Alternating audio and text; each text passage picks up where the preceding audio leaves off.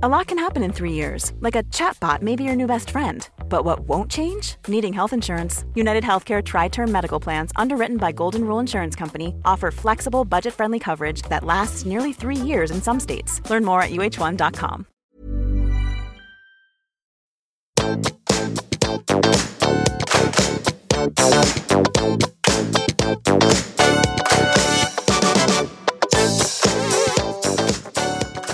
Hallo, alle sammen, og velkommen tilbake til podkasten Karriereveiledning med Elaine. I dag, for første gang i podkasten, så har jeg med meg to fantastiske gjester. Det er en som heter Fredrik, og det er en som heter Ina. Er dere på linja? De er med. Det er vi. Du, så koselig. Men før vi begynner, for i dag så skal vi snakke om et tema som i hvert fall jeg som karriereveileder opplever er veldig viktig å sette fokus på, og dette er noe dere står i og jobber med til daglig. Nettopp karriere og, og utdanningsvalg for ungdom og unge voksne. Så før vi kommer til det, så er vi nødt for å bli litt bedre kjent med dere. Fredrik, kan ikke du starte med å fortelle lytterne, jeg trenger ikke ha hele liksom, avhandlingen av livshistorien, men litt sånn kort, hva er det du gjør akkurat nå, og hva er det du kanskje brenner for i det du jobber med, da? Eh, ja, akkurat nå så jobber jeg i en, eh, noe som heter Karriereenheten i Oslo, eh, som driver med kompetanseheving av rådgivere og karriereveiledere i Oslo-skolen. Og så jobber jeg også som karriereveileder på en videregående skole. Så jeg har en liksom du, ja, to hoden inni dette her.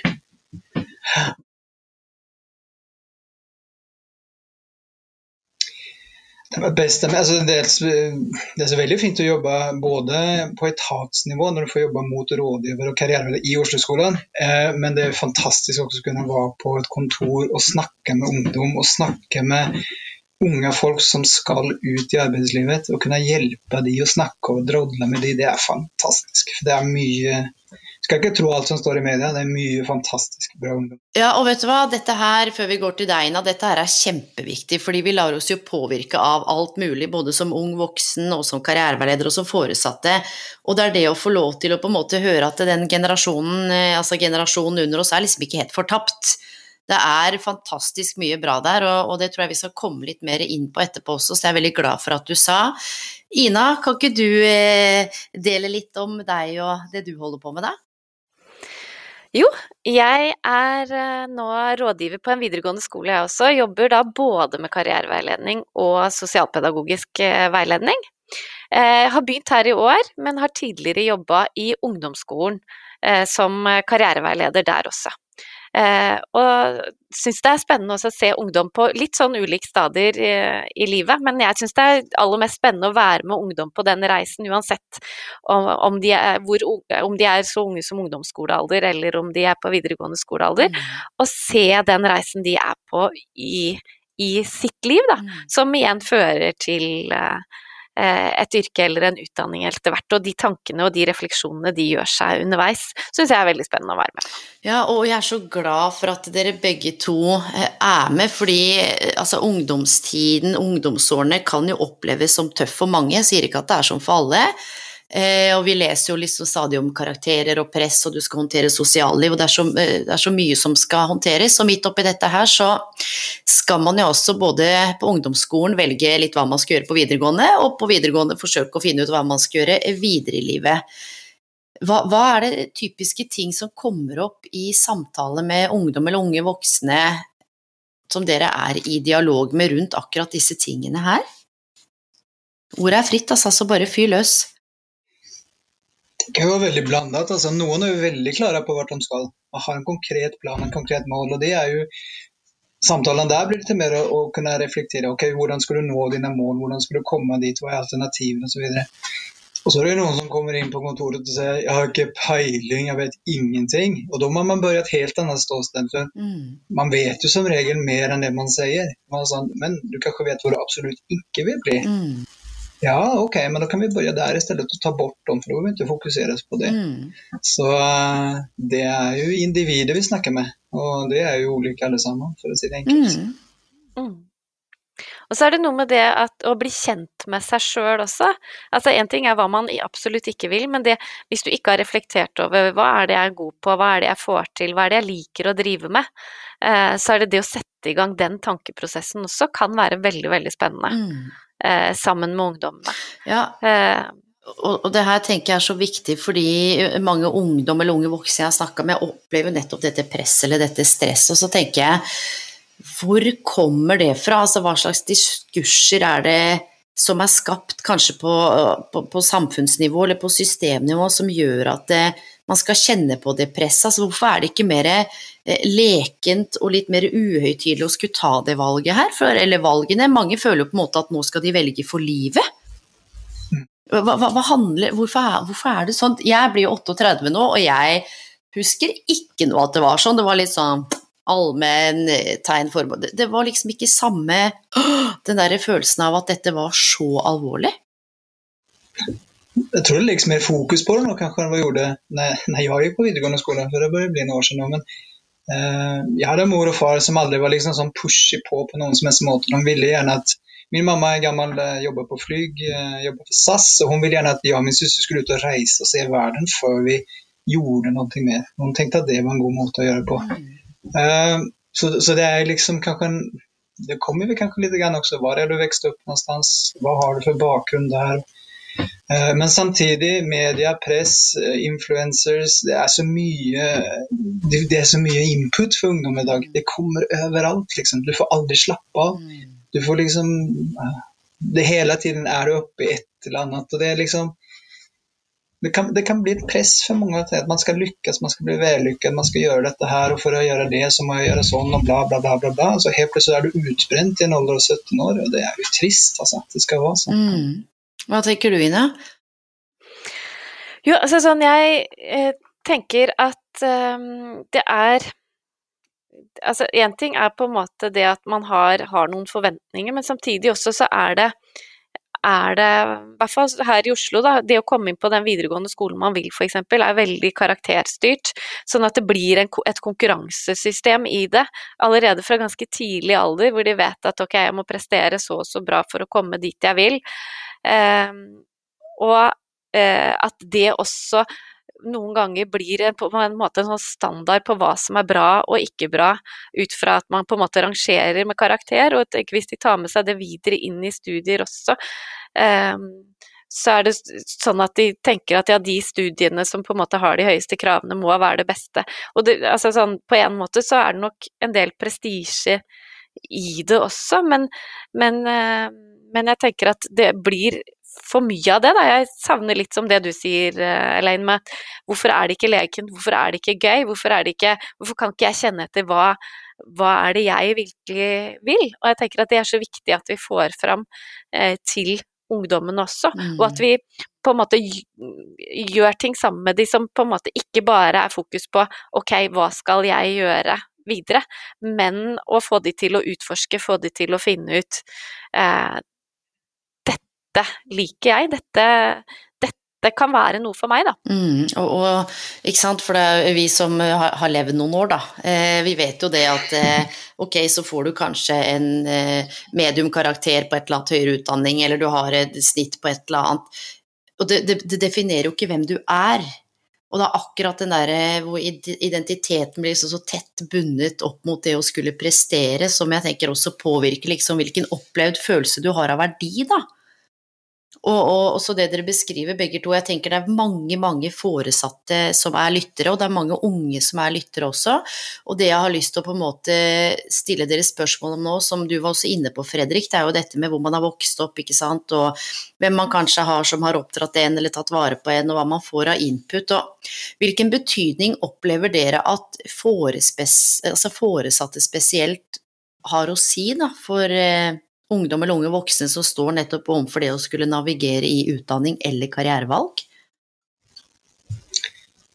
Ja, det er jo dette med valg, da. Altså, det, det, det, er jo karrierevalg. Du skal velge en karriere. Fokus på det blir liksom altfor tidlig når du er 15-16 år. Altså, jeg visste jo ikke hva en karriereveileder var når jeg var ferdig på videregående skole. Jeg hadde jo ingen aning at jeg skulle sitte her i Norge 20 år senere og jobbe som karriereveileder. Så, så veien gikk jo liksom, den ble jo til mens jeg gikk underveis, og så skjedde det, og skjedde det, og skjedde det. og skjedde det. Så, så liksom man dropper den liksom fokuset på at det er ett valg du skal gjøre. Du skal starte et sted, og så kommer det kommer hende ting underveis. Mm. Og det er liksom det som er liksom fokus på, kanskje å tenke at ett skritt i taget. Fem år kan være for lenge å planlegge. Kanskje ett er nok, to år er nok. liksom. Mm, mm. Og eh, Nå kommer jeg ikke ihåg hvor du spurte helt, men jeg føler at jeg prater litt Nei, bort, nei, men du er litt inne på noe, for det han- det handla også litt om hvordan de foresatte kan være med på å påvirke, eller hvordan de opplever det å skulle støtte en ungdom eller ung voksen da, i det å stå i utdanning og karrierevalg. Eh, og det er som du sier litt, eh, noen tenker jo trygg jobb og femårsplan, og andre eh, vet jo kanskje ikke selv hvordan de skal navigere. Noen har veldig sterke meninger. Det Opplever du, Ina, at de, de unge ungdommene og unge voksne på en måte har med seg noe fra foreldrene sine inn i møte med deg? Ja, mange har det. Og det som eh, undersøkelser viser jo også det, at eh, foreldre har mye å si for ungdomsvalg. At de er en viktig brikke eh, i det valget ungdommene skal, skal ta. Og så er det noen som Noen opplever det nok som et press. Eh, uten at foresatte nødvendigvis har lagt noe press på dem, men at de opplever noen forventninger. Andre har mer en sånn eh, utforskingsdel sammen med, foreldrene.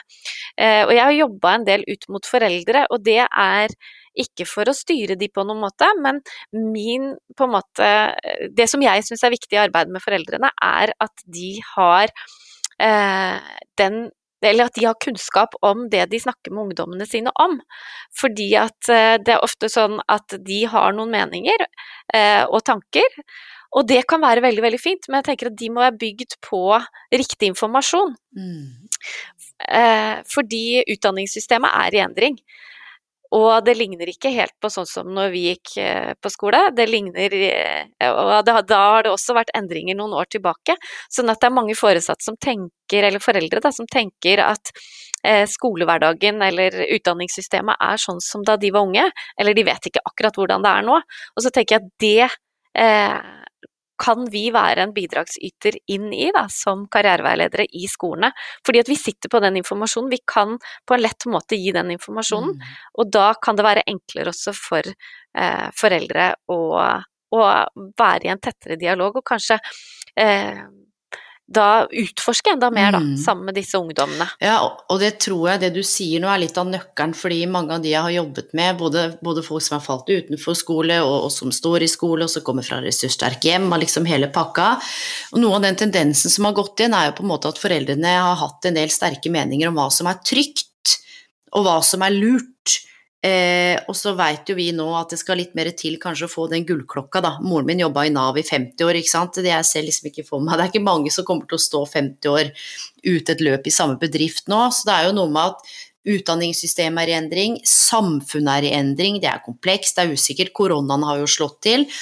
Og hvordan har koronaen på en måte påvirka hvordan dere samhandler med både foresatte og ungdom, da? For jeg vet jo, Ina, du har jo hatt noen workshops bl.a. med foreldre, og det er jo en kjempefin måte eh, å gå i dialog på. Men hvilke grep, eller hva gjør dere nå, da, for å forsøke å, å rett og slett få i gang den dialogen, da, og bidra? Det er jo vanskeligere. Ja, det er lov til å si. Altså, det, det, det er det, kort og godt sagt. Korona har jo på en måte gjort situasjonen vi står i litt annerledes. Spesielt at her kanskje man kunne ha workshop for foresatte. Nå jobber jeg primært mot videregående og ungdom der, og der er kanskje ikke foresatte i like sterk grad involvert som f.eks. på ungdomsskolen. Men, men det i år spesielt nå kanskje tiden frem mot eh, 1. mars, søknadsfrist for eh, videregående skole. Så har vi vært ute og snakket med foresatte tidligere og kunne gi en god og nøktern informasjon om hva er videregående skole, hva er det, eh, hvilke alternativ finnes osv. Uh, og ja, det er 15 utdanningsprogram du skal kunne velge på, men i Oslo så har vi åpnet til over 30 forskjellige alternativ, søkbare alternativ på VG1.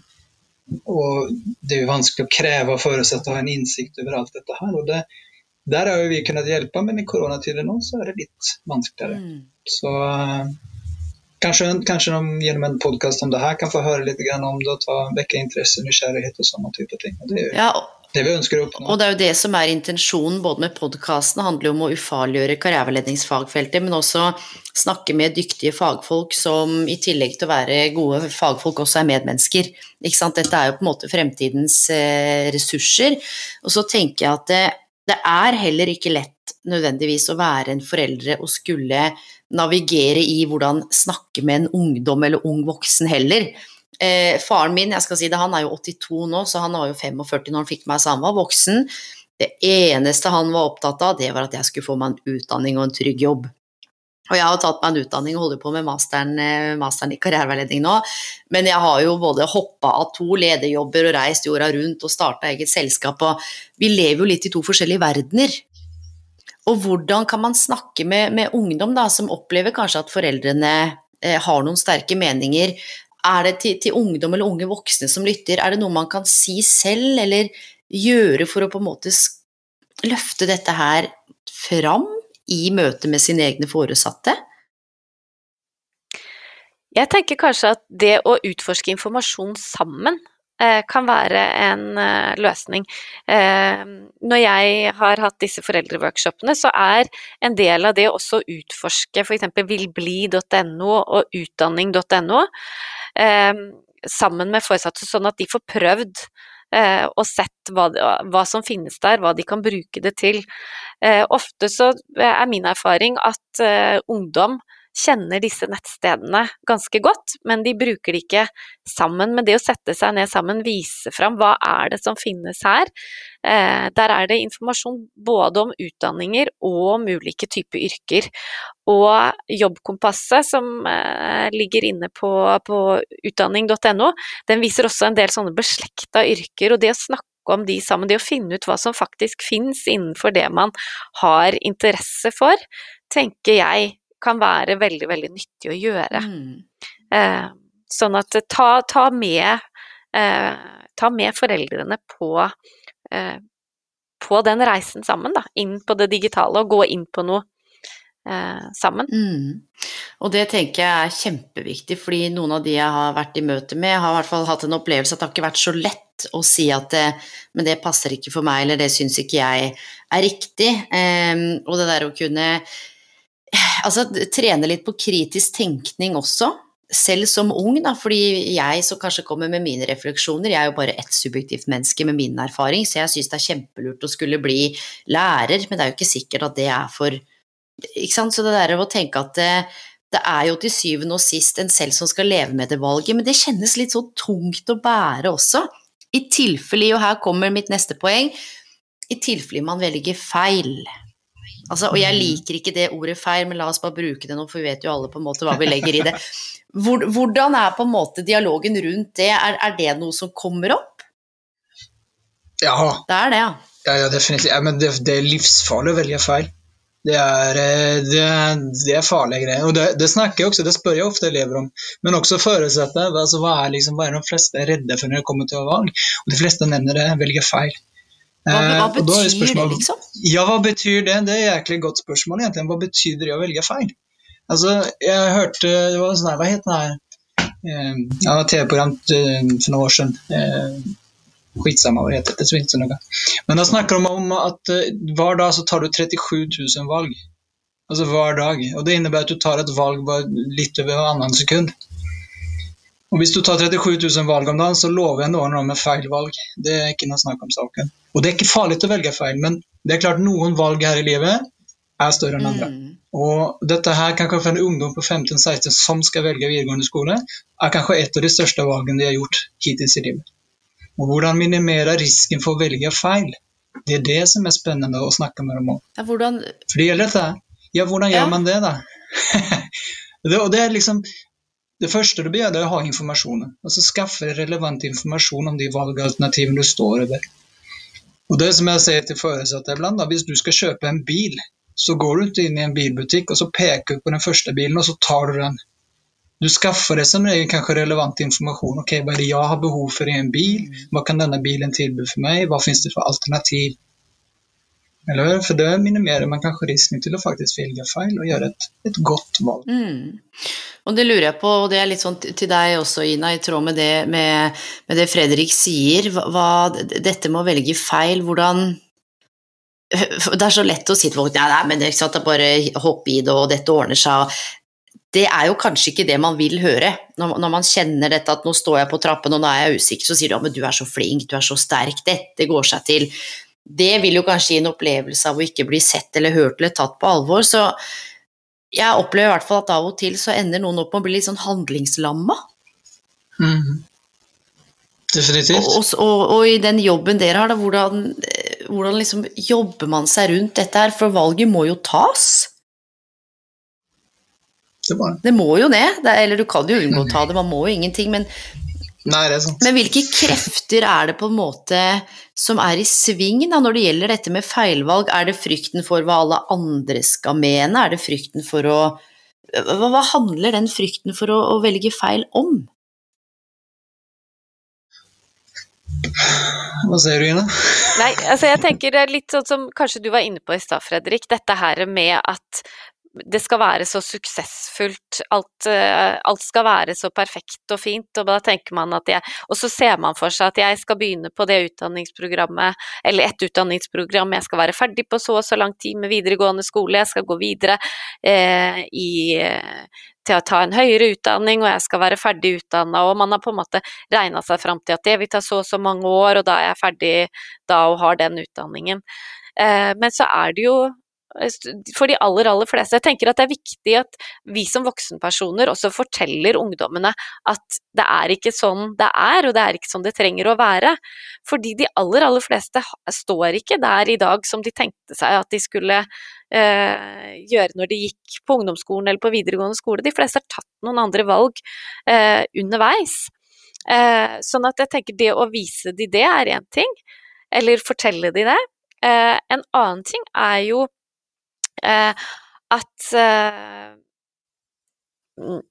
når eh, de skal ta, ta, dette valget, litt som Fredrik sier også, at de har så mye informasjon som mulig, at de har satt seg godt inn i at de er trygge på at nå vet jeg hva jeg har å velge mellom. Nå vet jeg hva alternativene mine er, jeg har ikke eh, kimsa her. Jeg, og, og, så reflektere hva, hvilket grunnlag gjør jeg valget mitt på. Eh, og, vite, og få de til å være trygge på at det er mitt valg, det er ikke hva venninna mi velger, eller det er ikke hva mamma og pappa mener, eller eh, hva jeg leste om i avisen at var lurt å gjøre, det er faktisk hva jeg har lyst til, mm. Mm. Eh, som, eh, som er, er, et viktig grunnlag.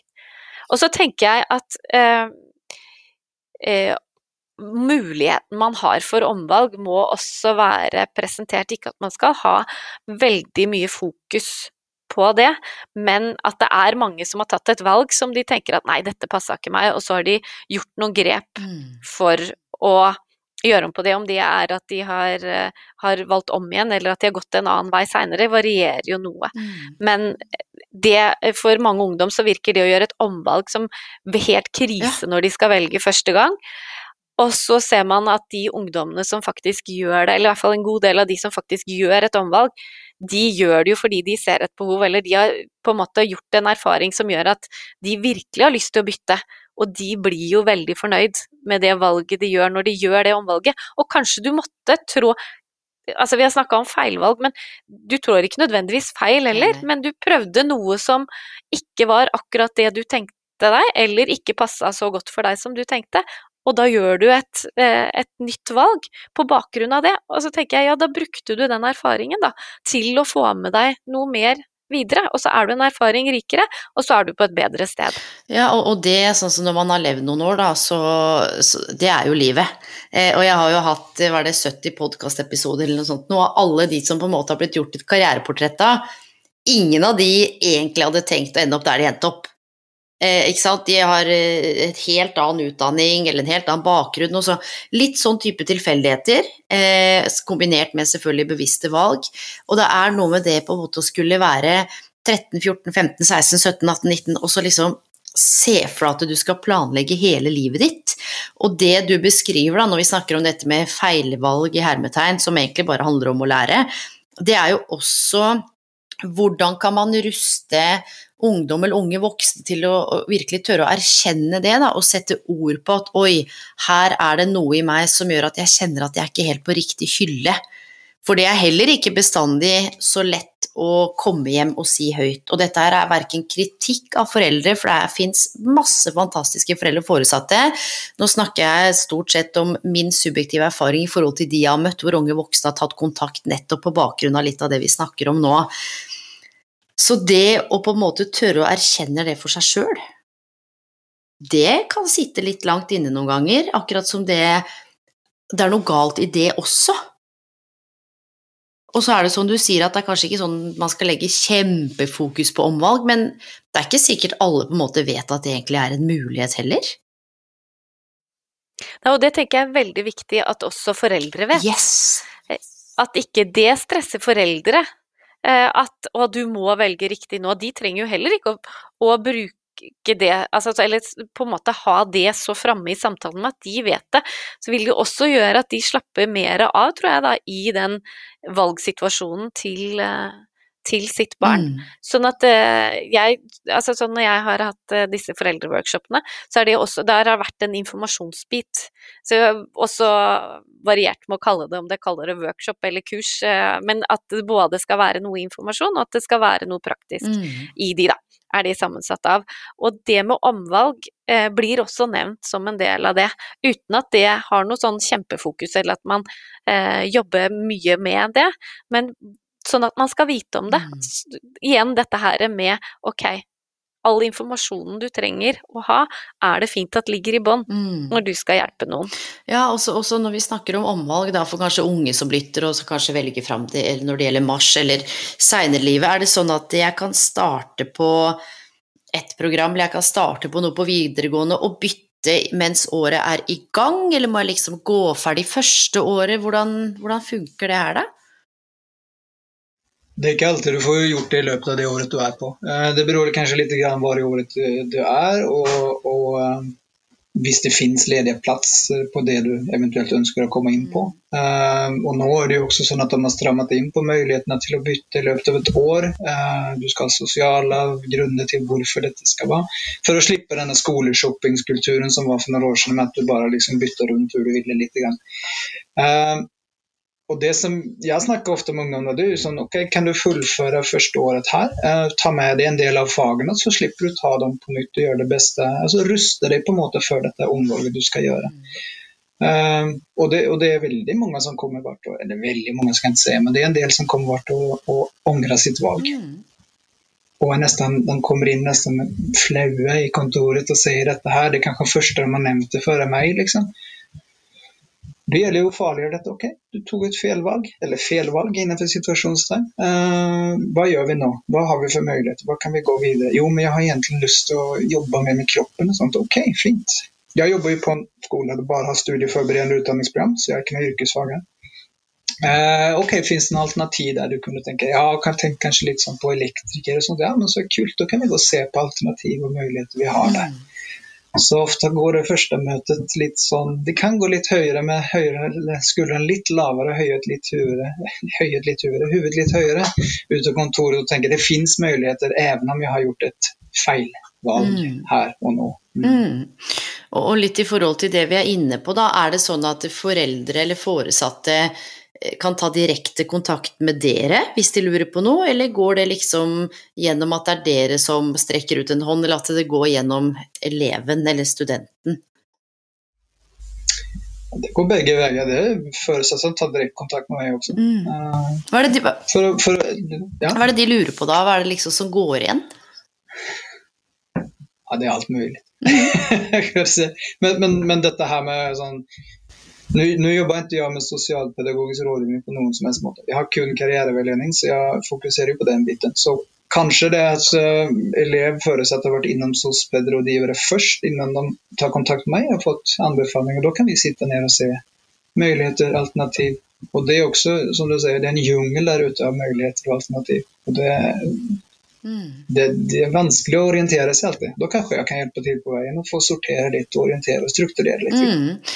Og nå tror jeg du er inne på noe, og det handler jo litt om Vi snakka om både hvordan utdanningssystemet nå er, og samfunnet. Og hva tenker dere liksom er de største forskjellene fra ja, si 20 år tilbake, da, når man sto overfor utdanning og, og, karrierevalg og frem til i dag, for det er jo en del foresatte som, som har vært gjennom systemet eller tatt, eh, som vi snakka litt om, en elektroutdanning eller gjort noe for kanskje 20-30 år siden, og så tar man på en måte det inn i nåtid. Hva, hva vil dere si er de største forandringene eller endringene som det er viktig at foresatte er bevisst?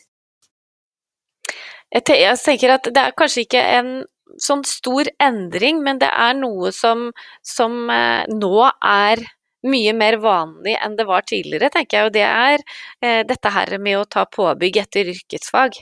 Eh, for det er mange som tenker at begynner du på yrkesfag, så har du valgt et yrke allerede at det lukker noen dører, men det gjør jo egentlig ikke det. Fordi eh, går man et yrkesfag og tenker at nei, det er ikke dette yrket jeg ønsker å stå i, eller dette kommer jeg ikke til å ønske å jobbe med eh, for, eh, for, resten av min arbeidskarriere, så er påbygg eller eh, Y-vei inn i høyere utdanning Altså det fins muligheter også innenfor det, men du har nesten alle de samme mulighetene gjennom gjennom yrkesfag. Det er kun hvis du, hvis du skal eller, Altså veien blir litt lengre hvis, lengre hvis, du skal inn i et yrke som krever, eh, krever realfagsfordypning. Kan i hvert fall være. Men ellers så ligger Og det er jo bare 8 av utdanningene. Eh, sånn at det er jo en veldig, veldig liten andel. Eh, sånn at de aller, aller fleste muligheter har man jo der òg. Så det er litt sånn feiloppfatning av at man lukker dører eh, innenfor noen valg, da. Og det tenker jeg er veldig viktig. Det var en mulighet for, eh, for, å ta påbygg tidligere også, men jeg husker fra da jeg gikk på videregående selv, så var det ikke så veldig, var ikke så veldig mange som gjorde det. Det var på en måte ikke eh, den veien man så for seg at var en mulighet. Og det tror jeg henger igjen hos en del mm. eh, fortsatt. Hvordan er det på en måte man ser på det å skulle velge yrkesfag? Altså opplever dere på en måte at det er et gap på dette er kanskje litt betent spørsmål, men at det er et sånt gap eh, i forhold til hvem retning man velger? At det er mer populært eller mer prestisje å velge den veien enn den veien? Ja, det er det. Ja, jeg tror det avhenger altså så Nå er vi i en uh, by som er delt, begge vi jobber i Oslo-skolen. Eh, og jeg tror det avhenger litt av hvor i byen man eh, er også. For det er jo veldig stort skille mellom øst og vest på andelen som søker seg til eh, yrkesfag. Uh, Sånn at jeg kommer fra et område, eller der hvor jeg jobba i ungdomsskolen, da, så er det en ganske stor andel som søker seg til yrkesfag, og der søker de seg til alle typer yrkesfag, egentlig. Mm. Eh, noe som jeg syns er veldig fint at de har eh, ønske om, men det er også mange som har søkt til noe, for Fredrik nevnte jo i stad at vi har veldig mange muligheter i Oslo. Veldig mange da som søker seg til kombinerte løp, som har både yrkesfaglig og studiespesialisering. Mm. Eh, samtidig at de får begge deler, og så kan de velge når de er ferdig med utdanningen på, på, videregående, om de ønsker å gå til lære eller om de ønsker å ta en høyere utdanning. Ja, for jeg tenker at det er liksom viktig å slå et slag for litt sånn likestillingen mellom de ulike retningene. Det kan høres litt sånn rart ut, men, men en del av de har vært i dialog med som yrkesfag er litt sånn, eller det er litt sånn, så tenker jeg igjen hvor kommer dette fra at noe er mindre eller mer verdt enn noe annet? Spesielt når vi snakker om dette med å utforske egne muligheter, vite hva man liker, og hvis jeg har en drøm om å velge den retningen på yrkesfag, så skal jeg liksom skamme meg over det eller kjenne at det er kanskje ikke like mye verdt som en eller annen retning. Opplever, opplever dere noe av de tendensene? Som du sa, det er jo delt men, mellom kanskje hvor man bor, men er det en sånn generell oppfatning, og hvor kommer det herfra, liksom? Vi bor, en, vi bor, i Oslo, vi bor i en akademisk by. Mange, mange av foresatte har kanskje en akademisk bakgrunn eller noe i stedet, og, og er preget av det. da. Eh, vet ikke kanskje de mulighetene som yrkesfagene kan gi hvis man går dem. Og som Ina sa i stad, du har den oppfatningen at du velger studieforberedende utdanningsprogram eller studiespesialisering for, eh, eh, fremst da, gamle allmennfag. Eh, for da har du alle muligheter å åpne. Da, kan du gå hvert du vil. Men, men, det er jo egentlig helt feil, for hvis du går yrkesfag, så har du faktisk flere muligheter å åpne. Med tanke på at du kan ta påbygg, du kan være i jobb i flere år og har en livslang rett på å ta påbygg for å senere studere noe annet. Eller? Uh, vi har en, en, god venn av meg som, som jobbet som snekker i mange år, uh, men valgte å, å ta ingeniørutdannelse på universitetet. og veldig eftertraktet i arbeidslivet nå. For han har både den praktiske kunnskapen, har vært på gulvet, liksom, og så nå har han sittet litt høyere oppe i ledelse, men, men, ser andre ting enn den som kanskje kommer rent teoretisk bakgrunn på det. Mm. Uh, og dette varierer. Jeg var på en utdanningsmessig i Haugesund for noen år siden, og der var jo teknikk og industriell produksjon, som det heter. Uh, teknikk og industrifag, som det nå heter. Uh, det var det kjempepopulært. Eh, og der var det vanskelig å komme inn på TIP pga. ja, oljeindustrien eh, og hele så, så, det blir veldig beroende hvor i landet du er også. Ja, og det her tenker jeg er viktig å løfte fram òg. Nå skal jeg spørre om noe som jeg tror ikke det er en brannfakkel, men eh, jeg kan snakke for meg først, da. Og der hvor jeg bor og de jeg har snakket med. Du vet, jeg er jo en fri sjel, så jeg tilhører jo ikke noe sektor. Så jeg kan jo si litt sånn hva jeg vil, og så kan jo folket ta det som de vil. Men det er uten tvil svært ulik praksis, bl.a. i ungdomsskolen, på hvordan faget utdanningsvalg blir gjennomført. Mm. Jeg snakket med en for litt siden som det var sånn her får du en PC, og så ja, vær så god. Mm. Og en annen sa til meg at eh, vi fikk bare printa ut et ark. Og så skjønte jeg egentlig ingenting, og så bare valgte jeg noe, og så var det feil, og så når vi snakker om liksom fag i utdanningsvalg, for det er ikke sikkert alle som lytter egentlig er klar over at det er noe som fins i ungdomsskolene, for det er jo ikke noe som var når jeg vokste opp, det var ikke noe karriereveileder på skolen når jeg vokste opp, det var litt sånn fingeren i lufta, hva er det jeg tror jeg syns er gøy, og hadde flinke foreldre som, som, som virkelig støtta meg, da. Men hva er egentlig fag i utdanningsvalg i ungdomsskolen, og hva, ut fra deres perspektiv, bør det liksom være? Hva skal, hva skal det lede til? Det er jeg litt nysgjerrig på. Ja, jeg har jo jobba masse med fag- og utdanningsvalg. Jeg har undervist på alle trinn når jeg jobba i ungdomsskolen eh, på, på, det faget, sånn at jeg, jeg, føler det er et fag jeg kjenner mm. godt. Eh, men jeg kjenner jo igjen det du sier, eh, for det varierer veldig hva som blir gjennomført uh, ulike steder. Er, ikke, er, ikke er min litt, erfaring litt, også. Litt, altså Misforstå meg rett, det er jo ulike lærere, det vil alltid finnes ulike karriereveiledere, det er jo ulik praksis, men det vil jo kanskje ha noe å si, da? For de som skal stå ja. overfor for, for, valg. og Derfor er det litt interessant å høre i hvert fall fra du som har jobba, hva det egentlig kan og skal være, og hva det kan bidra med. Ja, fordi eh, de som jobber innen fagfeltet, eller som jobber med selve utdanningsvalg sånn som underviser for lærere som skal jobbe med utdanningsvalg, sier jo gjerne at det er skolens viktigste fag. Eh, sånn at jeg tenker at vi som har det som fag og har utdanning i det, vi er jo veldig opptatt av det faget. fordi at hva er det som er meningen med å gå på skolen, da? Det er jo å lære, det er jo å være sammen som mennesker, og etter hvert komme seg videre ut i samfunnet. Mm. Og da at man har et eget fag som faktisk kan hjelpe deg å eh, å gjøre den prosessen da, mot det valget, tenker jeg er veldig, veldig viktig. Mm. Og så skal jeg kanskje nesten kaste en brannfakkel tilbake, yes, og det er at jeg er ikke så veldig glad i navnet utdanningsvalg. For jeg tenker det er så veldig, veldig mye mer enn det å velge en utdanning.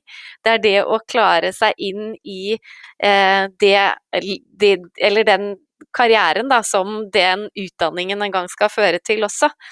Eh, sånn at eh, ja, det er jo en god del Vi kan jo ikke gå inn på alle fagmålene der nå, men sånn måten vi løste det på vår skole, var at på åttende trinn så hadde Altså, faget i seg sjøl er delt sånn at eh, du har eh, du har timeantall tilsvarende én time i uka på hvert trinn. Det er forskjell hvordan det blir organisert.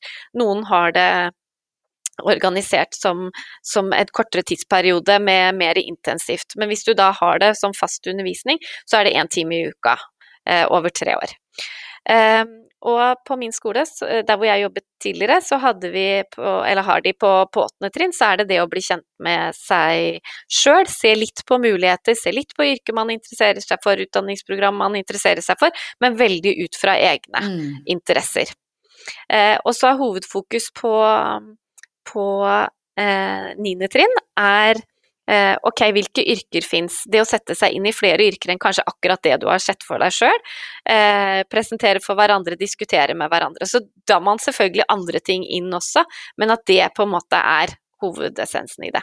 Og så da tiende trinn, eh, mer konkret valg av videregående utdanning. Mm. Selv om de har vært elementer både på åttende og niende trinn, så kommer det enda mer konkret. Ok, hva kan jeg bruke det jeg eh, jeg, det jeg fant ut på åttende, da, for å nå de yrkene som jeg kanskje har plukka meg ut mest på niende. Og så det, tenker jeg at det er viktig hele tiden å ha i, i fokus på at dette her er jo ikke et endelig valg. Eh, sånn at det blir jo ikke noe sånn fast bestemt, men at man kan, i hvert fall kan bruke de tingene man tar med seg da, fra alle trinnene, til å ta eh, et valg da når man skal velge videregående utdanning. Og, da, og så får jeg spørs, ja, ja. spørs ja, Så får jeg spørsmål ofte ja, hva gjør man etter 1. mars, da, når man har tatt det valget? Mm. Og så tenker jeg i det faget så ligger det eh, mye mer enn valg av utdanning.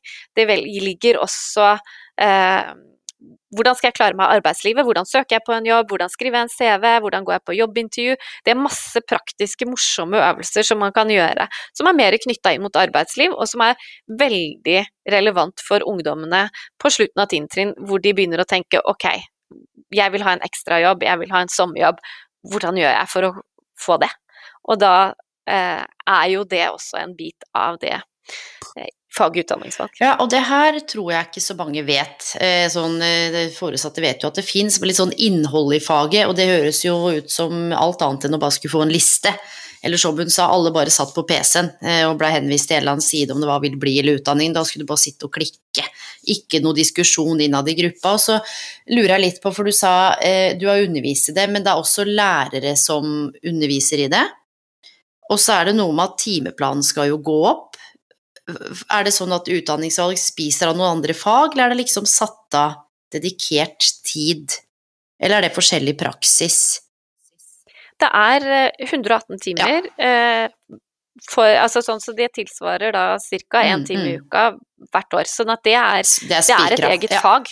Ja ja, det er eh, Men det er bare det at det gjøres det kanskje på litt forskjellig måte? Ja. Og så er det, altså som du sier, det er ikke noe kompetansekrav i det var faget. Det var det jeg lurte på. Sånn at, ja. men det fins utdanninger i mm. faget, mm. og det fins kursing i faget. Eh, men det varierer nok veldig hvem det er som underviser eh, i, i, faget. Mm. Eh, ja. Sånn at eh, Og, og eh, det, det, er nok mange som også har interesse og kunnskap, og som på en måte sørger for å få den kompetansen sjøl, eh, som også underviser i faget, som kan fungere godt. Og så er det noen som kanskje blir, får beskjed om at de skal ha det faget uten egentlig å ha interesse for det, eh, eller uten å ha kapasitet til å, å sette seg inn i det. Og da tenker jeg da, da er det vanskelig for de, så jeg tenker at det er viktig at man har et system for hvordan ivareta de lærerne også, da. Eh, for jeg tenker at det er viktig, skole, Rådgivning er hele skolens oppgave. så Det er jo eh, både faglærere og utdanningsvalgslærere og, og rådgiver. Men det er jo ofte rådgiver som er ressursperson inn, eh, inn i dette her. Men da tenker, håper jeg jo også at de som velger å ikke bruke de som er faglærte i utdanningsvalg i skolene, da håper jeg også at de sørger for at eh, det blir avsatt noe tid f.eks. til at rådgiver da kan veilede disse lærerne, sånn at de har mulighet til å bruke faget på en god måte. Mm. Ja, og dette her tenker jeg er jo viktig, sånn som du sier, hele skolens ansvar og at elevene eller studentene skal også få det de har krav på. Og så vet vi igjen, som jeg sa, dette er ingen kritikk, men det er viktig å løfte fram òg, fordi det er jo ulike forskjeller i alle mulige praksiser, om vi ser i sykehjem, lege, karriereveileder, politi altså, sant? Vi er jo mennesker, og så er det noe med systemene og ressursene. Og så er jeg litt sånn nysgjerrig på, Fredrik, for du jobber jo bl.a. i, i karriereenheten. Altså hva hva er på en måte deres hovedoppgave ut mot rådgiverne, da? Hva tenker du liksom er det viktigste? Eller en av de viktigste oppgavene? Ja, det er mye viktig vi har, da. Men eh, hva skal man si? Altså, vår oppgave primært er jo å kunne serve og hjelpe hjelpe eh, den individen på enkeltskole i forhold til rådgivning osv. Så, videre. så vi kurser jo rådgivere, vi holder seminar, vi holder konferanser. Vi organiserer f.eks. skolebesøk, eh, dvs. Si alle, alle 9. og 10. klasse får sjansen å besøke videregående skoler for å få en smakebit av hvordan det er der. Uh, så vi, så vi, er jo på en måte etatens, Utdanningsetaten Oslos uh, gruppe som jobber mot da, spesielt rådgiverne i, i, skolen. Mm. Og um, vi organiserer mentorprogram der vi knyttes gamle rådgivere, eller gamle rådgivere skal vi ikke si, men mer kanskje erfarne rådgivere med nye rådgivere. Uh, der Ine har vært med tidligere. Både som adept, som det vakkert heter i coaching- og mentorverden, og mentorer da, som skulle kunne hjelpe nye rådgivere i Oslo-skolen mm. til å kunne fullføre og gjøre en god jobb. For dessverre er det sånn at ofte så du blir kastet inn i rollen som rådgivere uten at skolen egentlig har noen klar plan hva er det faktisk en rådgiver gjør. Altså Du blir litt sånn her, vær så god, finn opp hjulet. Uh, og så står du der med 350 elever som du skal veilede og snakke med. Men hva gjør du? Så det er litt, Vi kan hjelpe dem litt på veien. da, Komme inn og få en god, trygg, profesjonell arbeidshverdag. Mm. Og dette her syns jeg er interessant, liksom forlengelse av det du sa nå, da, med, med, noe av det du beskrev. Så litt tilbake til det du var inne på, Ina. fordi én ting er på en måte å finne ut av informasjon og sitte i grupper og snakke sammen, men hvordan opplever dere Nå er det jo koronaen, da, så vi kan både kanskje se pre-korona og under koronaen. Hvordan er på en måte samarbeidet med arbeidsmarkedet, arbeidslivet, praksis eh, for de ungdommene eller unge voksne som på en måte kanskje skal kjenne litt på hvordan dette her, er det noe som det er fokus på? I forhold til at nå kan jeg besøke en bedrift, eller er det noe praksis som foregår, eller er det et rart spørsmål? Nå jobber vel vi begge på utdanningsprogram, vil jeg tro, som ikke har så mye praksis. Jeg Har, sånn at eh, Men det jeg ser, som jeg tenker på når du stiller spørsmålet, er jo at eh, det er noe vanskeligere for ungdommene å få seg jobb ved siden av skolen. Yes! Det var det jeg var ute etter. Som, som ja. Eh, sånn at for de som på en måte ikke er en del av den som får hjelp til å få, få praksis noe sted, men jeg tenker fordi mye av det vi Eh, kan, eller som er fint å snakke med ungdom om, er jo også tidligere erfaringer de har, f.eks. med arbeidslivet. Eh, og de kommer og sier er, vil gjerne ha noe veiledning, er det noe gærent med søknaden min? Eh, og så ser man jo at nei, det er jo ikke det. Altså, det er arbeidsmarkedet sånn som det er nå, som gjør at du søker på jobber og kanskje ikke får de Eh, den ekstrajobben du har lyst på, fordi at det er mange andre som også ønsker seg det nå. Eller eh, ungdommer som, eh, som, eh, som da eh, gjerne skulle ha, ha, ha fått, fått, seg noe erfaring da, som de ikke får med seg. Ja, og det er litt sånn, jeg begynte å jobbe da jeg var 13. Altså, jeg flippa burgere på en kiosk, liksom. Det var jo ikke helt innafor det heller, for det var på en kiosk på Svartskog, litt sånn på motorveien, og jobba jo seint og tidlig og skulle sikkert ikke stått der og håndtert penger Men du veit, sånn var det da, det var ikke så nøye. Ikke sant? Så jeg jobba til elleve på kvelden av og til helgene, og pappa satt i bilen utafor litt sånn nervøs og venta og håndterte penger og solgte røyk og kassaoppgjør og du veit. Det hadde jo ikke skjedd nå. Så, så, og det er litt sånn, og dette leste jeg, nå husker jeg ikke helt hva jeg refererer til, men at det var, som du beskriver, Ina, mye mer vanskelig nå å få seg en jobb, da. Kanskje foruten å gå med reklame, sånn som man eh, kanskje pleide å gjøre, eller jeg gikk også med avisa. Fins det noen måte man kan appellere til arbeidsgiveren eller åpne opp for at man i større grad da, tar inn ung arbeidskraft under 15 eller rett over 15 en gang i måneden. Altså bare at man får litt den der følelsen av åssen det er å jobbe. Det er veldig mye mindre Det, det er kjempelite av det nå. Hvorfor det, da? Ja? Hva er det som har skjedd, liksom? Men nå ble vi stille. Ja, ja men det er, jo, det er jo en tendens til at eh, Jeg husker alle vennene mine, det var sånn shit, vi må få oss jobb. Om det var på godterikiosken mm. eller der, eller Det er liksom ikke samme greia. Og da tenker jeg sånn, what's up? Er det fordi at det er blitt så strengt og det er så mye krav og kontroll at det er livsfarlig å være 14 år og jobbe i butikk og stable varer, eller er det hva er det det dreier seg om, liksom? Er det sånn at foreldrene tenker at nei, nei, du skal ikke jobbe, det er ikke sant, du skal få penger av Jeg jobba jo, for jeg var keen på å kjøpe TV. Pappa sa det skjer ikke, og da tenkte jeg fy faen, må jeg skaffe meg jobb. Så hva, hva, skjer? Men det er jo kanskje noe med det at uh, pappa i dag sier at ja, den TV-en kan du få. jeg vet ikke. Altså, sånn, for noen så vil ikke det behovet være like sterkt. Men jeg eh, pleier å, å ut mot elever snakke veldig varmt, eller ungdom generelt, da, snakke veldig varmt om det å få en jobb, og at du kanskje i den første jobben eh, du skal få, ikke nødvendigvis gjør det du har aller mest lyst til. At du faktisk må stå i noen jobber som kanskje kan være litt kjedelige. Jeg begynte å vanne blomster på et hagesenter etter stengetid. Det var min første sommerjobb. Ja. Så det var også ganske seint på kvelden, aleine ute. Eh, også i dårlig vær. Det var jeg overraska over da, at jeg måtte vanne blomster når det regna. Eh, nå, nå, men nå skjer jo det automatisk òg. Det er jo en sånn typisk jobb som, som ingen eh, kanskje har lenger.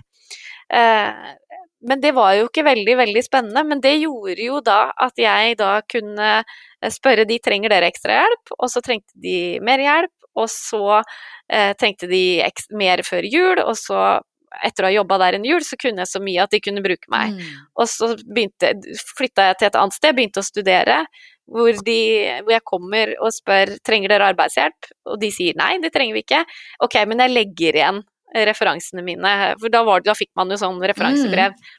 Og de ringer dagen etterpå og sier du forresten, det ser ut som vi kunne trenge deg innimellom likevel, fordi at du kan, kan noe som vi kan bruke når vi trenger noen på sparket. Mm. Og, altså, sånn, det å vise at du kan ta med deg den erfaringen, mm. selv om det var dritkjedelig ja. å stå der og vanne de blomstene, så, så jo, gjør det noe med at ok, da hadde jeg sikra ekstra inntekt. Mm hele, under hele studietiden min, på en måte. Ja, og så tror jeg det er viktig, bare det du sier nå, og til alle som lytter òg, det er ikke sånn at alle jobber handler om å finne meningen med livet og kjenne at man blir lykkelig. Jeg har også hatt noen jobber hvor jeg har tenkt sånn Ok, men da har det jo vært, ikke sant, da var driverne penger, var jo litt yngre, og så er det jo sånn at man kanskje ønsker å jobbe med noe man er interessert i, eller ønsker å utforske, ikke sant, at det kommer litt senere. Men det er all den erfaringen man har tilegna seg, er jo aldri bortkasta. Og det er det jeg opplever at unge mange er, men kanskje de har jobba i butikk da, og har blitt et par og tjue, men jeg har bare jobba der eller jeg har bare gjort sånn. Så tenker jeg bare, altså hallo, har du vaska kontoret til faren din, har du hjulpet til i hagen til naboen, så er jo det noe der som kan være viktig å hente fram.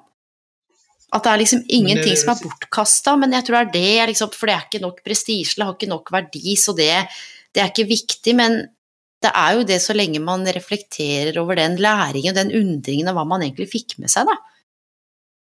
Det er jo viktig som du sier, Elin. for sånn alle, Spør du alle voksne der oppe, spør du mammaen og pappaen din, så har de mest sannsynlig hatt et jobb opp gjennom årene som kanskje ikke var kremjobben. Eh, jeg har jobbet på bananplantasje i Australia. Det låter jo veldig eksklusivt og kult, men det var et skikkelig tøft jobb, altså. Og det var spindler og slanger, og det var 45 grader varmt, og det var ikke måte på det, liksom. Men erfaringsmessig kjempekult. Altså, jeg har jobba på bananplantasje, det er jo ikke alle som har gjort det. Men Var det første jobben Så, din, Fredrik? Å nei da. Eh, hva var min første jobb, da? Eh, jo, jeg jobba som stue på Landvetter flyplass i Göteborg. Eh, det var min første jobb. Men jeg var ganske gammel. Jeg var, jeg var ferdig på videregående, jeg fikk det jobben. Sommerjobb. Eh, jeg, gikk, jeg spilte aktiv basket på den tiden, så jeg eh, hadde ikke så mye tid til overs til jobb, for å være ærlig. Eh, men det var, det, var, det var, gøy. Bare mm. jobba. Det var kjempegøy. Ja, og det er litt interessant også, for ofte nå er jo dere to, så da ble det på en måte ikke noe karriereportrett, men det er allikevel litt sånn spennende å spørre hvordan kom dere inn i det dere gjør akkurat nå? For det er jo ikke sånn som du sa at for 20 år siden så visste du at jeg skulle sitte akkurat her og jobbe med det jeg gjør. Hvordan havna, havna dere i, i det dere gjør nå, da? Et, etter liksom basket og stuer og bananplantasje? ja. Det er jo en jeg, jeg, jeg, jeg, jeg, begynte ganske tidlig når jeg spilte basket og coacha yngre basketlag og sånt, og syntes det var veldig gøy å jobbe med barn og ungdom. Synes det var veldig gøy. Så når jeg var ferdig på videregående, så hadde jeg liksom ingen konkret plan og tanke hva jeg faktisk ville gjøre med det, men jeg visste at jeg hadde en interesse og syntes det var gøy å jobbe med barn og ungdom. Så noe innenfor der. Eh, og så begynte jeg å studere etter hvert og skulle bli lærer. Eh, og jeg er utdannet lærer, men jeg har aldri stått og undervist i et klasserom. Så jeg ble eh, Av tilfeldighet kom jeg inn på rådgivningsbiten. Og ganske sånn Da visste jeg ikke heller noe særlig om det. Men jeg hadde tre flinke rådgivere på den skolen som jeg jobba på, som, som fungerer som mentor for meg, da, som kom mer inn i biten. De første tre årene så snakker alle over hodet på han. Jeg skjønte jo ikke et bær av hva folk snakker om i forhold til rådgivning. Det er mye regler, det er mye paragrafer og sånt som du skal sette deg inn i. Så det er en tilfeldighet at jeg sitter her i dag. Angrer ikke en sekund hva det jeg har gjort i livet so far. Kanskje noen ting angrer jeg på, men ikke i hvert fall karrieremessig. Ja, men, men, er det ikke spennende, fordi igjen da, og til alle dere som lytter òg, altså, jeg tror man kan planlegge og man kan sette seg mål og man kan tenke om man skal ta valg, men livet, og dette sier jeg alltid, altså, det blir nesten aldri som helt planlagt. At livet går ikke alltid etter planen. Jeg visste ikke at jeg skulle ha den podkasten her, det bare fikk jeg for meg i fjor og bare satte i gang. Og visste ikke at jeg skulle si opp den jobben. Og jeg tror livet er jo litt sånn. Plutselig så treffer du på noen, så får du en følelse eller en tanke. Kanskje noen lytter i den podkasten her og får en ny tanke om at de har lyst til å dra til Australia liksom, og jobbe på en bananplantasje, at man har lyst til å begynne å jobbe med fag- og utdanningsvalg. Man kan liksom ikke vite helt hva som kommer, da, selv om man kan jo trene på å forberede seg. Eh, men liksom den fleksibiliteten i å kunne trene på å navigere litt rundt i livet og, og være litt resilient, da. Det tenker jeg, og det skal vi komme tilbake til, men Ina, først så må vi bare høre hvordan du kom inn i dette her, fra på en måte å vanne blomster. ja, eh, jeg er også lærer, eh, så jeg eh, gikk allmennlærerutdanningen etter at jeg var ferdig på videregående. Og så har jeg jobba både ungdomsskole og barneskole som, som lærer. Eh, og det tenker jeg også er en veldig nyttig erfaring å ha med seg. Det at man har prøvd ut litt forskjellige ting. Og det var litt Altså det at jeg fikk jobb på, på en ungdomsskole var planen eh, egentlig, fordi jeg hadde fransk som fag, og da var det bare ungdomsskole jeg søkte på.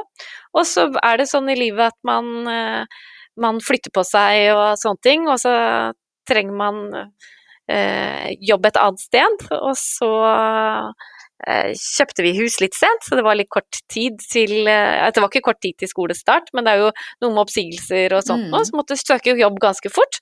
Og endte opp da på en barneskole. Så tenkte jeg ja, men kanskje jeg skal prøve det, da. Det var det jeg fikk, da. Uh, og så hadde jeg det fint i, uh, nei, i barneskolen, men kjente på en rastløshet som jeg ikke har opplevd. At jeg, jeg må tilbake til ungdomsskolen. Eh, og den var ikke fordi at det ikke var bra å være i barneskolen, men jeg kjente at det er noe annet jeg vil. Mm.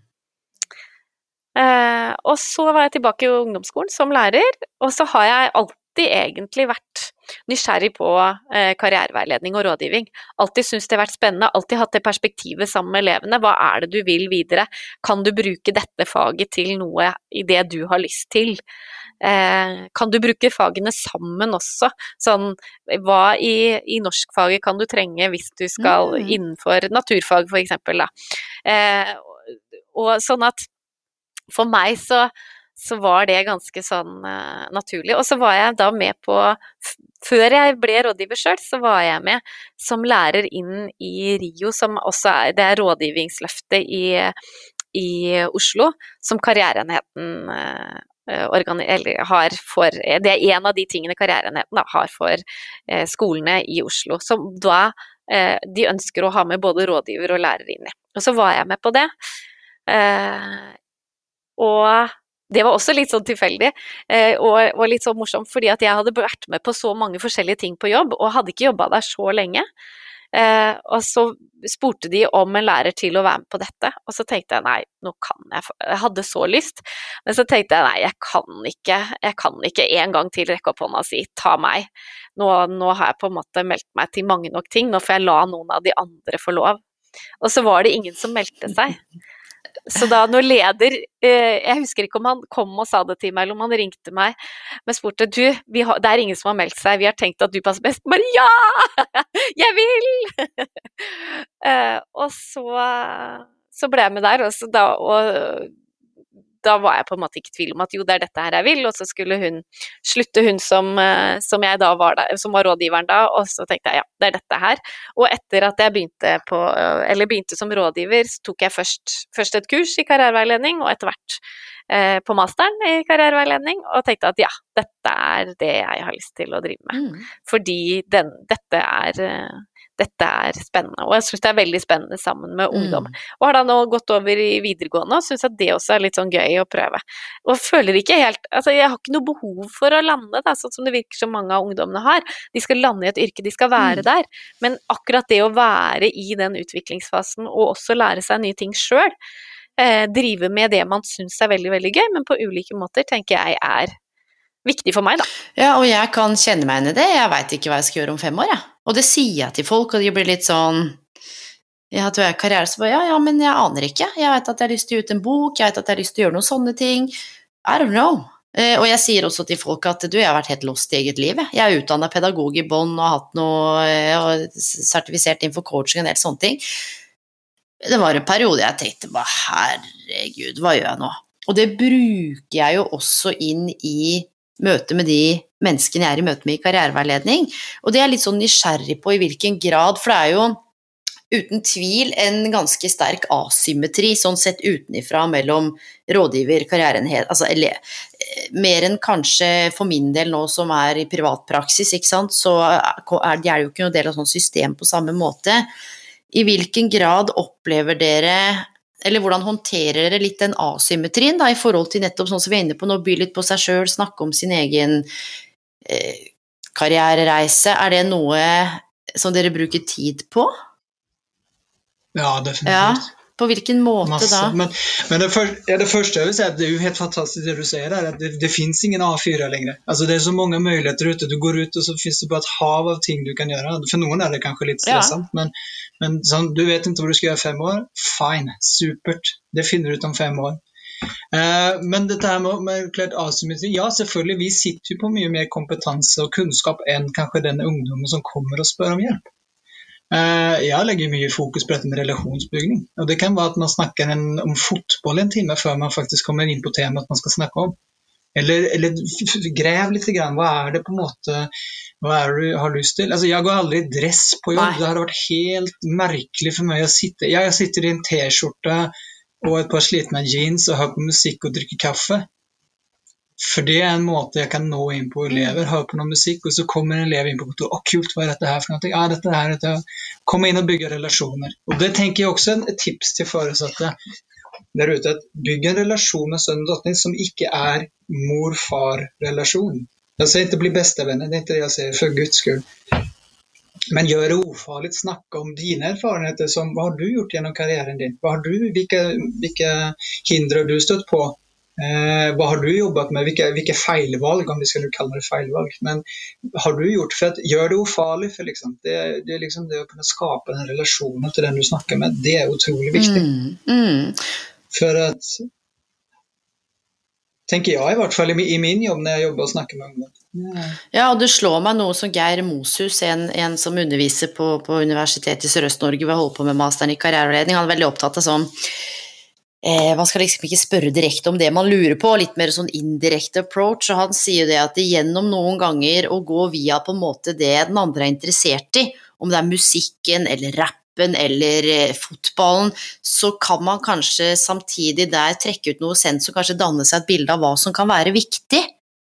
Og jeg tror det er så fint at du løfter fram det, og særlig for de som lytter, at det er jo ikke noe farlig eller jeg vil bare ufarliggjøre det å snakke med en rådgiver eller en karriereveileder. Ingen av vi er eksperter på noen andres liv, vi skal jo ikke fortelle andre hvordan de skal leve livene sine. Ikke sant? Det er nettopp det du beskriver med å bygge den relasjonen og kanskje få fram litt den perspektivbelysningen da, og ha noen konkrete refleksjoner om hvordan er det man skaper den gode relasjonen med et ungt menneske som er i, i veldig utvikling. Du er en individ også, eller? Du er sårbar, du har ditt bagasje. Du er, liker dette her, liker ikke det. Altså Vis at du er, en, du er en maskin, du er et orakel som sitter med alle svarene på eleven kommer. Men du kan hjelpe og veilede og coache kanskje eleven til å finne ut av ting sjøl. Og gi dem informasjon om hva kan jeg finne ut av ting og sånne type ting. Hva, hva en veileder er, ikke gir dem svaret, men hjelp dem på veien til å finne svaret sjøl. Men blir mange overraska? For eh, jeg hadde en sånn liten undersøkelse litt sånn for en stund tilbake jeg spurte folk hva karriereveiledning var, og det var sånn noen som forteller meg hva jeg skal studere, eh, hva jeg skal jobbe med, eller hvordan jeg skal søke jobb. Det, blir de litt overraska over at ikke man på en måte sier at ja, her ser jeg jaggu at du skal rett inn der, eller du må ta den linja der. Er, er det litt det de forventer? Noen, Noen. Ja, ja, definitivt. Kom inn på kontoret, så skal du få svaret, og så går du ut. Så er du ferdig. Og så har livet løst seg. Ikke sånn. Så det, tenk om det hadde vært sånn. Da hadde jeg noen jobbet som karriereveileder. da hadde jeg vært noen tjent penger et eller annet sted. Men uh, nei, det er jo ikke sånn det funker. Uh, og sånn, sånn, Kan ikke du velge for meg? Nei, selvklart kan ikke jeg velge for deg. Det er ditt valg, det er din liv vi snakker om her. Det er ikke mamma og pappa som skal gjøre det, og det er i hvert fall ikke jeg som skal gjøre dette. Det er du som skal være fornøyd med det valget du tar. Og det kan ikke jeg ta for Nei, og da tenker jeg sånn som Ina var inne på, i forhold til hvilken rådgivning er hele skolens oppgave, altså hvor viktig det er å på en måte formidle hva karriereveiledning eller rådgivning er og kan være, da. For jeg tror, og nå kan jeg snakke litt om den gemene befolkningen som jeg har truffet på, som er veldig sprik, fra liksom 17 til 65 år, har ikke noe egentlig sånn klar oppfatning av hva som foregår i karriereveiledning. Og så kan det være litt ullen, for det kan foregå mange ting på en gang. Ehm, men hvordan opplever dere at dere får kommunisert best til ungdommen eller de unge voksne hva tjenesten egentlig er, da?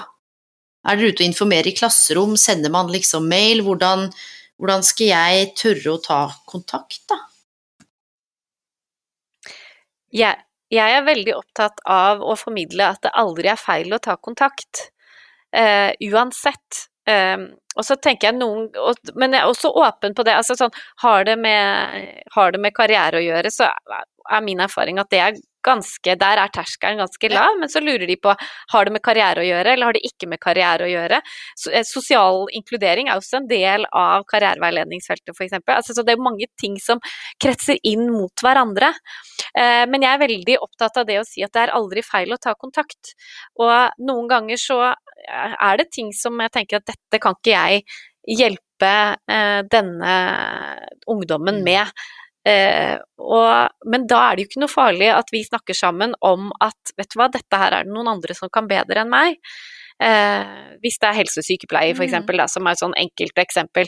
Eh, det, det, og det er ikke det at jeg ikke vil snakke med deg, og du kan gjerne komme til meg, og så kan vi snakke om disse tingene, men akkurat det, dette som du forteller her, eh, det er det er lurt at du snakker med noen andre om. Og det tenker jeg er så viktig også, eh, som jeg har med meg som, som karriereveileder, men som jeg tenker også kan, kan være nyttig for, for foreldre og foresatte, for eksempel. Det er at det i en sånn samtale kan komme opp andre ting som man syns er viktig også. Eh, som man kanskje ikke nødvendigvis trenger å snakke om der og da, men ta med seg eh, videre og si du, du sa noe om når vi snakka sammen om hva du skal velge sist, så sa du også noe om dette. Det hørtes ikke ut som det var helt greit for deg. At man kan grave og spørre litt, og så finne ut ok, er dette noe min ungdom trenger hjelp med? Er det noe eh, Og det kan hende at det har med karriereveiledning å gjøre, det kan hende at det ikke har med karriereveiledning å gjøre. Men jeg tenker da å ta kontakt f.eks. med skolen, da. Ta kontakt med meg som, som rådgiver på skolen og fortelle dette er utfordringen. Og der igjen så kan det jo også være da at jeg sier ja, selvfølgelig, vi tar en samtale.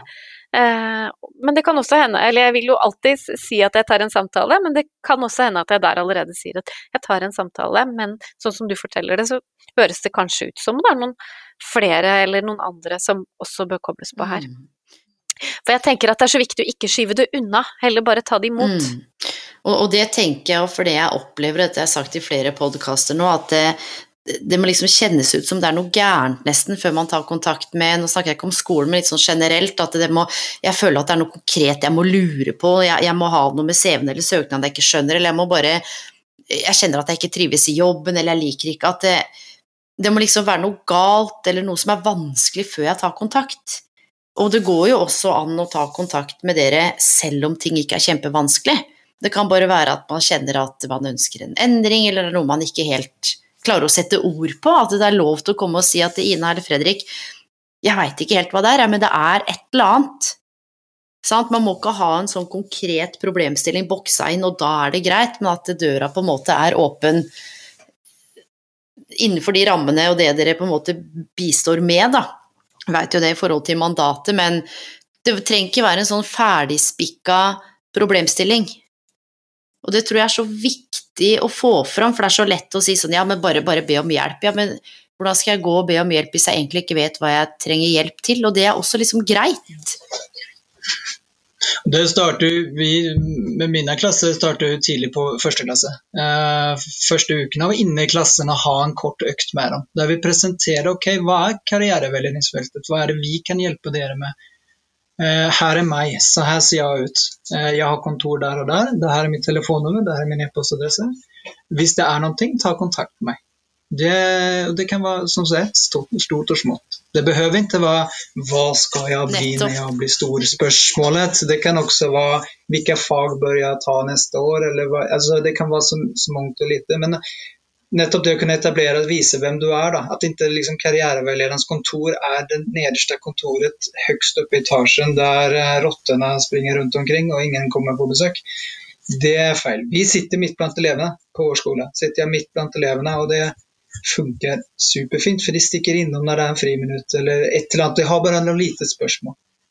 Uh, vi har også sånn ja, speedveilederne som vi kaller det, der vi sitter ute i skolegården den store friuken. Der elevene kan bare komme innom når de har noen korte spørsmål eller lurer på et eller annet. Ta lunsjen ute, da. Ta lunsjen blant elevene dine. Snakk med dem, ta en løs prat om hva som helst. Det starter der, liksom. Ja, det her tenker jeg er så viktig. Og vet du hva, vi nærmer oss eh, snart avslutning. Dere vet at vi har snakka sammen i 1 time og 15 minutter nå.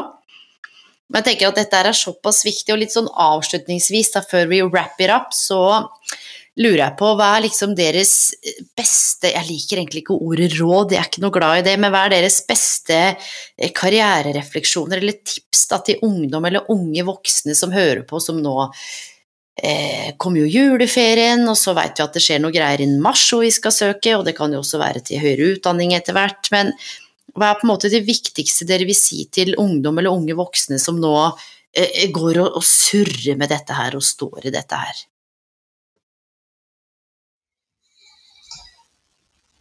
Bruk tid.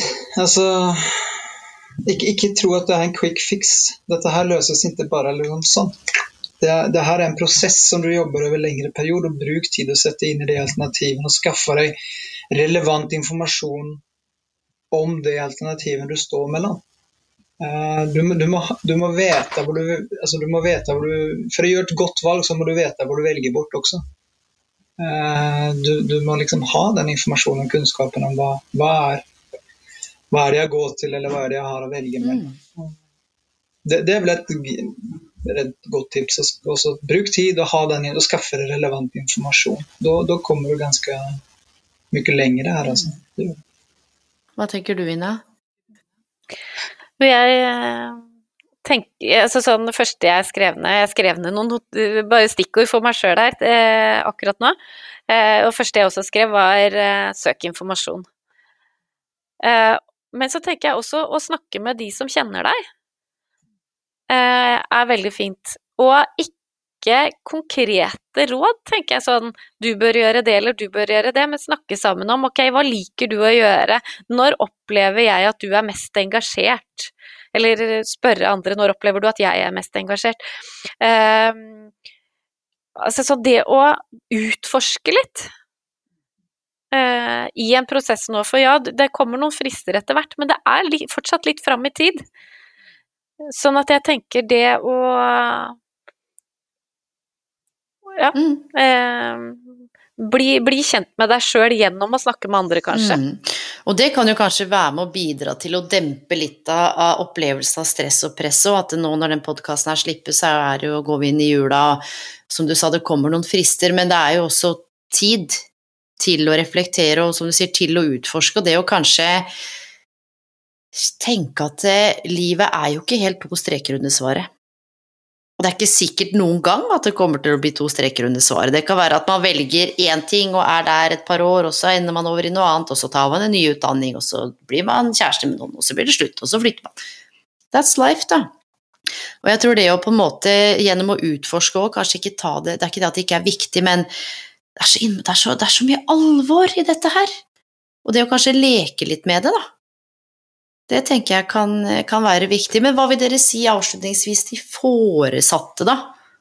som nå liksom tenker at å herregud, nå skal jeg bidra, nå, ikke sant, dette mener jeg. Hva, hva er deres beste tips til foresatte som skal nå hjelpe unge voksne å navigere i dette her? Det blir litt av det samme. Bruk god tid. Altså, bruk tid til dette her. Sett av tid til deg og din sønn eller datter eller hvem du nå er, og, og finn ut ting sammen. Eh, skaffe relevant informasjon. Og det er ikke sikkert at det som passer for deg, mamma eller pappa, er det som passer for sønnen eller datteren din. Det, det, er veldig viktig at man kan slippe den tanken at ok, jeg er advokat, jeg er hva det nå kan være, men det er ikke sikkert at sønnen eller datteren min er passet. Spør dem. Mm, altså, hva, så, har du spurt sønnen din datteren din hva du har lyst til, hva, hva de kunne tenke seg å jobbe med når de blir eldre? Har du spurt om det? Eller tar du for gitt at sånn er det? Mm. Det er faktisk egentlig så banalt, men så sjukt viktig. Ja. Det er nesten sånn at man glemmer det. Det, ja. det er det. Jeg har ikke så gamle barn hjemme, men jeg har niåring, og det er ganske vanskelig å snakke med han òg iblant. Altså. Det, det, vi ser tendenser her at det kommer å skje ting i løpet av neste ja. Men uh, ja. Og bytt unger. Bytt unger. Bytt, med, byt kompisen, ja. beste bare ta og snakk med faren hans i stedet, da. Hvis det er slitsomt å snakke med, med, pappa eller mamma om dette her. Snakk med mammaen og pappa til kompisen, det er kanskje mye lettere. Så kan de komme og snakke med deg. Og det er, nice. det er bare tips de kan få. Ja. Det er gøy. Swap. Det er gøy. Ja, lurt. Swapping, mm. liksom. Ja. Jeg tenker vær undrende og nysgjerrig. Eh, hvis det er noe som ungdommen kommer og sier enten at du lurer på hvorfor velger han ikke det samme som meg, eller hvorfor velger han eller hun akkurat dette, dette syns jeg var rart. Ikke si 'jeg syns ikke det passer for deg', men spør, om, spør om hva er det som gjør at du tenker på den måten. Eh, få en oversikt over hva, hva, det er, mer enn at du skal begynne å si om noe er rett eller galt før du har hørt ungdommens forklaring eh, på dette. Og så er jeg egentlig veldig enig med Fredrik. Vær tålmodig. Eh, finn informasjon eh, som du trenger eller ikke har. Og så tenker jeg at det kan være lurt å drøfte også trenger vi en samtale. F.eks. hvis du er forelder da, for en ungdom som skal velge videregående skole. trenger man en samtale med rådgiveren på skolen? Eh, som rådgiver så inviterte eller så ga jeg alltid mulighet for foreldre å være med i samtale. Vet at noen gjør det, noen gjør det ikke, men jeg har aldri hørt om noen som sier nei, det kan vi ikke, hvis foresatte ber om det selv. Eh, og min erfaring er at eh, noen opplever at de trenger det, noen opplever at den dialogen går veldig fin hjemme, og at de har en oversikt sjøl. Og så tenker jeg at det er greit at det er forskjellig. Og noen, eh, noen, opplever at de virkelig trenger det, og noen tenker at det er bare en trygghet at de har snakka sammen med en karriereveileder om det samme. Så jeg tenker at det Kjenn etter. Det er lov å bruke oss, liksom. Også mm. for foresatte. Ja. Det her syns jeg er helt supert, og det er så viktig. Og jeg la jo ut i forkant av den podkasten her eh, at du foresatte foreldre, verger, omsorgs... Eh, om, om, det var enten ved institusjoner eller generelt kunne sende inn spørsmål. Det har kommet inn over 143 spørsmål. Og det betyr at vi må lage en del to. Nei, dæven. Ok. Ja, Fordi at eh, både i forhold til det vi har vært gjennom nå, så er det noen av spørsmålene som sammenfaller, og så har det kommet inn en eh, god del spørsmål som krever en helt egen podkast. Eh, Skal vi si opp jobben vår, eller er det sånn man vil søke permisjon? Nei. Det, nei, men, men, det er noe med at jeg la det ut i går også, så jeg sitter og forsøkte å kategorisere og sortere. Det var veldig mange spørsmål, og veldig mange forskjellige spørsmål, og det var alt fra eh, min ungdom vil ikke snakke med meg til han blir sin Altså bare alt mulig. Eh, og så gjelder det nå for meg å, å, å få sortert litt etter det vi har snakka om, for vi har svart på noe av det. Og da er det ikke noe vits å stille de samme spørsmålene jeg tenker for lytterne, så at det ikke blir sånn ja, men det har de jo snakka om, hvorfor kommer det? Eh, for det kom litt bardus på, jeg åpna telefonen i dag tidlig, og da har det liksom kommet inn 90 spørsmål til. Og Derfor så tar vi ikke det nå, men det er tydelig at dette er noe som engasjerer.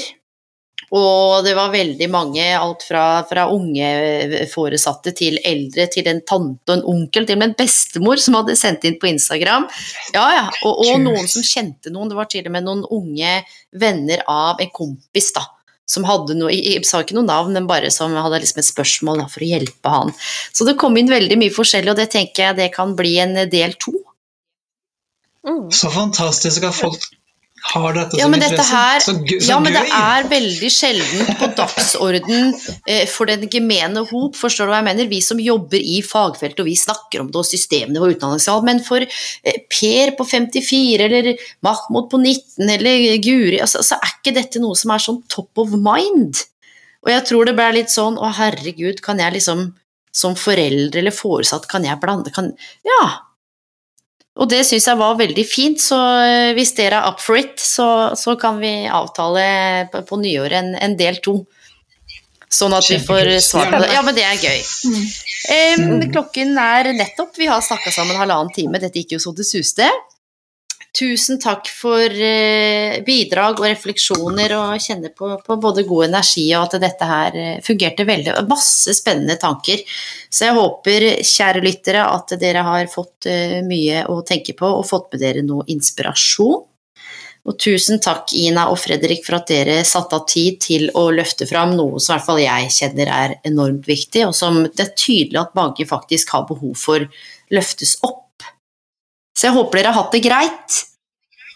Supert. Ja, hatt det, det kjempefint. Ja, men det er nydelig. Da gjelder det bare å si takk for nå, og så snakkes vi. Tusen takk for at dere ble med. Ha det godt. Ha det bra. Ha det bra.